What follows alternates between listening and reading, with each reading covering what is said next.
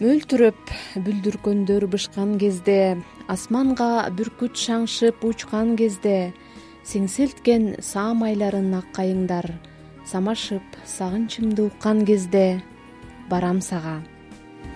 Мөлтүрөп бүлдүркөндөр бышкан кезде асманга бүркүт шаңшып учкан кезде самайларын сеңселткен ак кайыңдар бул акын алмаз чойбекованын сөзүнө таандык обончу кадыралы артыковдун барам сага аттуу ыры чойбекованын туңгуч ыр жыйнагы ак булут деген аталышта бир миң тогуз жүз жетимиш тогузунчу жылы аалы токонбаевдин баш сөзү менен жарык көргөн кыргыз адабиятынын баштоочусу деп аталып жүргөн акындын ак батасын алган китеп ошондо эле адабий чөйрөгө жакшы кабыл алынып гезит журналдарда ал тууралуу жазуучулардын жана адабиятчылардын жакшы пикирлери айтыла баштайт. Мындан улам чойбекова көп өтпөй ссср жазуучулар союзунун мүчөлүгүнө кабыл алынган экен ал ортодо акындын ырларына байма бай обондор чыга баштайт. Алардын катарында обончу кадыралы артыков да чойбекованын бир топ ырларына обон жаратат. Эми бул кишинин текстине обон жазып калганын себеби мындай болду. Мен ошол э, сексен бешинчи сексен алтынчы жылдары ош пединститутунда иштейт элем мугалим болуп ошол убакта менин колума кандайдыр э, ким аркылуу эсимде жок э, колума тийип калды. Ак булуттар деген алгачкы ырлар жыйнагы. Анын баш сөзүн аалы токонбаев жазган экен аябай жакшы сөздөр менен.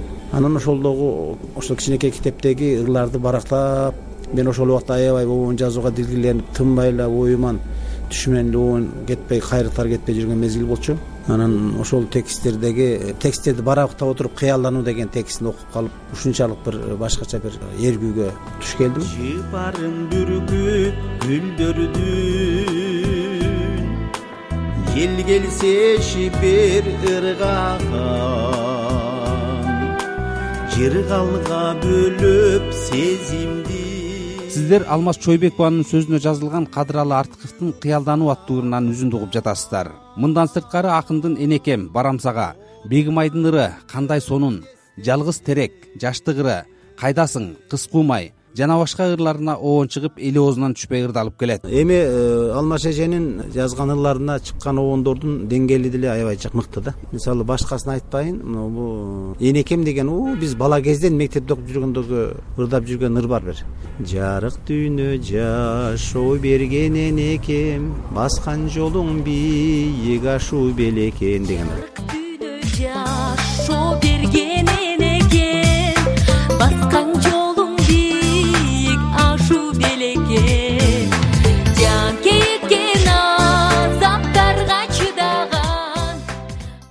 автору адылбек тургунбаев деген обончу болгон көзү кетти. Бирок муну китептерде билбегендер баба рапшан тургунбаевдики деп жазып жүрүшөт чындыгында бул адылбек тургунбаев деген жалал абад областынын ноокин районуна караштуу мас айылында жашаган ошолдун маданият үйүндө көп жыл иштеген кишинин обону бул обондун деңгээли аябай мыкты да. Музыкалык көз караш менен баалаганда аябай мыкты жогорку деңгээлде жазган обон анан бул обон кыргызга аябай кызмат кылды. Айрыкча мектептерде окуган окуучуларга кызмат кылган ушу биздин өспүрүмдөрдү э, баягы жан дүйнөсүн азыктандырууда көп кызмат кылган обондордун бири андан тышкары кыргыз ыркпасын эл артисти атактуу обончу токон эшбаевдин э, сонун сонун обондору бар. Мисалы жаштык жаштык деген. Жаштык жаштык жалынга баттык айрылчу тагдыр кылбачы бастык бир карап койбой бул обондун дагы деңгээли жакшы мисалы көркөмдүк деңгээли диапазонунун кенендиги кайрыктарынын өтө мындай бир кооздугу менен бааланат да.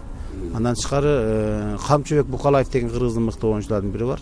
Вот бул кишинин дагы мыкты мыкты жаштык обондору бар. Бул ошол обондордун сөзү алмаз чойбеков атанык э, шамшыбек өтөбаевдин кыргыз лирикасынын эл артисти мунун дагы сонун обондору бар. Ушу алмаз эженин сөзүнө жазылган обондор да. Алмаз чойбекованын обондуу өз баасын берип жаткан обончу кадыралы артыковдун айтымында. Эми э, акын жазуучулардын көз карашы боюнча кандай баалашат билбейм. Бирок мен обончу катары мындай деген пикирди айтат элем да. Алмаз чойбеков эженин э, ырларында бир нукуралуулук бар табигыйлык бар да. Мындай бир техника менен акын болушат жазышат э техниканын ыкпаларына салып уйкачтыкты издеп отуруп ушинтип бир татаал бир ушундай бир чиеленишкен саптар менен бир ыр жазышат бул э, кишинин саптарында мындай бир табигыйлык бир өзү эле бир мындай бир журулушуп кудайдан бир кандайдыр бир э, илхам аркылуу эргүү аркылуу келип калган бир ушунчалык бир табигыйлык нукралуулук бар да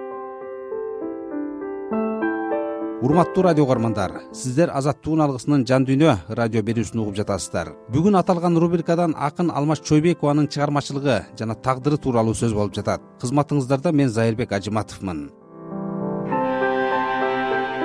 замандаштарынын айтымында жазылган ырларына оон чыгып радио теледен түшпөй эл сүйүү уккан чыгармага айланып турган акын атак даңкка бата эле жетти анан калса аял катары суруулугу да жомоктолуп айтылып бура бастырбай ашык болгондор көп болду. Бирок тагдыр ага талант менен суруулукту берген менен аялдык бакыттан өксүтүп койгон экен. Бул тууралуу чойбекованы жакындан билген акын сиңдиси бурулган карагулова кеп козгоду биринчи жана атактуу акын менин тууганым сарттар уурусунан токтогулдан билиш момунковго чыккан он алты жашында. Анан ал менен эки үч жыл жашагандан кийин ажырашып байысбек деген жездеге чыккан. Аябай татынакай сулуу акыл эси ордунда жакшы киши болчу он жыл жашады экөөчү анан эже ошол жакшы турмушун бузуп шаарга кетип калды. Анан байысбек жезде үйлөнүп балалуу чакалуу болуп калды. Эже балалуу болгон жок эжеденчи анан ошентип э, ыры бул ыры менен эжени каякта баратса таанышчу да ушундай ырлары сонун ошол кезде жаштык жаштык жалынга баттык деген ырына обон жазган он алты кыз деген ыры дүркүрөп турган ал кезде ошонусу менен атагы дагы бир топ болуп турган кезде атакты берди да кудай турмушту бербей койду да.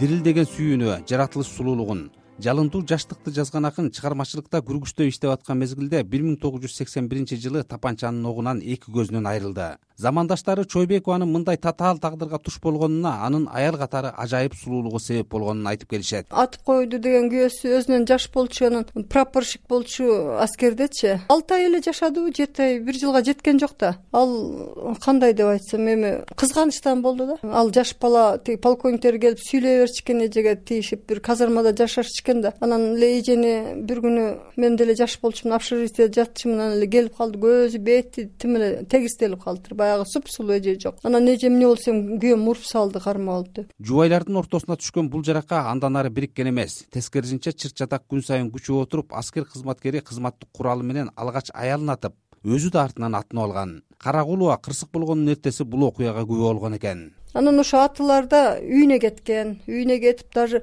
ал кезде бир студент кыз бар эле атын унутуп атам ошо менен болчу ал ошол кыз ошол күнү кетип калыптыр жок кетем депчи. Анан жалгыз калган экен. Анан эми уктайын деп атсабы же үйүндө отурса эле бирөө дарактан чыгып келатат экен. Анан карай салса эле күйөөсү экен. Антип мынтип тиги качкыч эле секирип түшүптүр коридорго чачынан сүйрөп чыгып ичке атат эженичи колу менен жаап турганга баягы колу ошон үчүн жырык болуп калган да колуна атып колунан тийип анан ичегесин өрдөп кеткен ошондо да алышат эжечи. Алышып отуруп бетке мына мээге такаган экен да. Бул учурда жатаканадагы кошуналары октун добушунан чоочуп чырдашып жаткан жубайларга жакын жолой албай коет. Өзөрлөнгөн жигит жандалбастап асылып жаткан аялын чекек аткандан кийин гана аны каза болду деп ойлоп өзүнө кол салган. Ошо эже жандалбастап атканда мээни чарпып өттү деп айткан ошондо адылжан деген врачка көрсөтүп жүрчүмүн эженичи мээни чарпып өткөн кичине эле деди. А тиги көзтү болсо эки көздү тең алып кеткен сыртка сууруп кеткен окчу. Бир көзү сыртка чыгып кеткен экинчиси кийин кийин солуп кубурап кубурап отуруп жок болуп кетти экинчи көзү.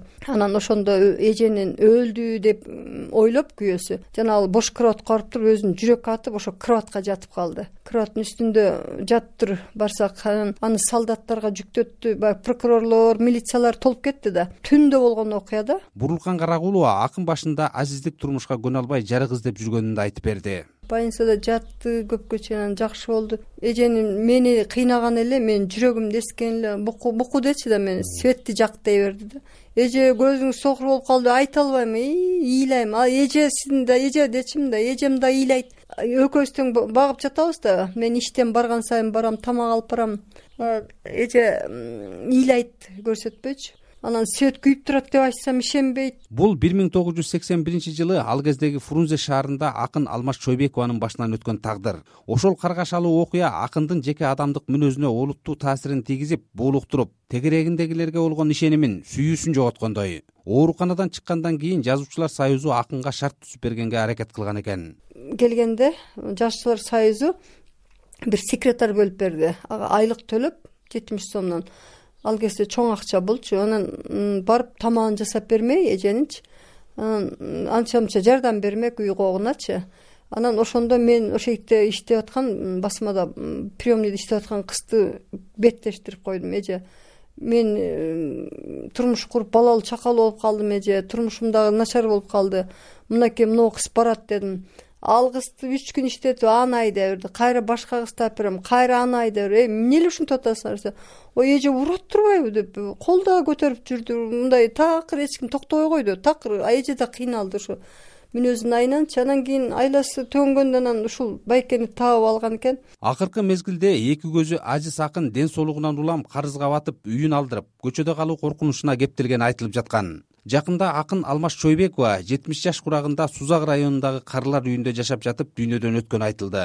Бурурлукан каракулова учурда акындын мүрзөсү да белгисиз экени өкүндүрөрүн билдирди. Акын алматай чойбекова токтогул районундагы кетмен төбө айылында бир миң тогуз жүз кырк жетинчи жылы сегизинчи августта төрөлгөн. бир миң тогуз жүз жетимиш үчүнчү жылы жалал абад педагогикалык окуу жайын бир миң тогуз жүз сексенинчи жылы кыргыз мамлекеттик университетинин филология факультетинин журналистика бөлүмүн аяктаган сиздер азаттыгын алгысынын жан дүйнө радио берүүсүн уктуңуздар бүгүн аталган рубрикадан акын алмаш чойбекованын чыгармачылыгын жана тагдырын мен зайырбек ажыматов баяндадым. Дайыма жан дүйнөңүздөрдө тынчтык болсун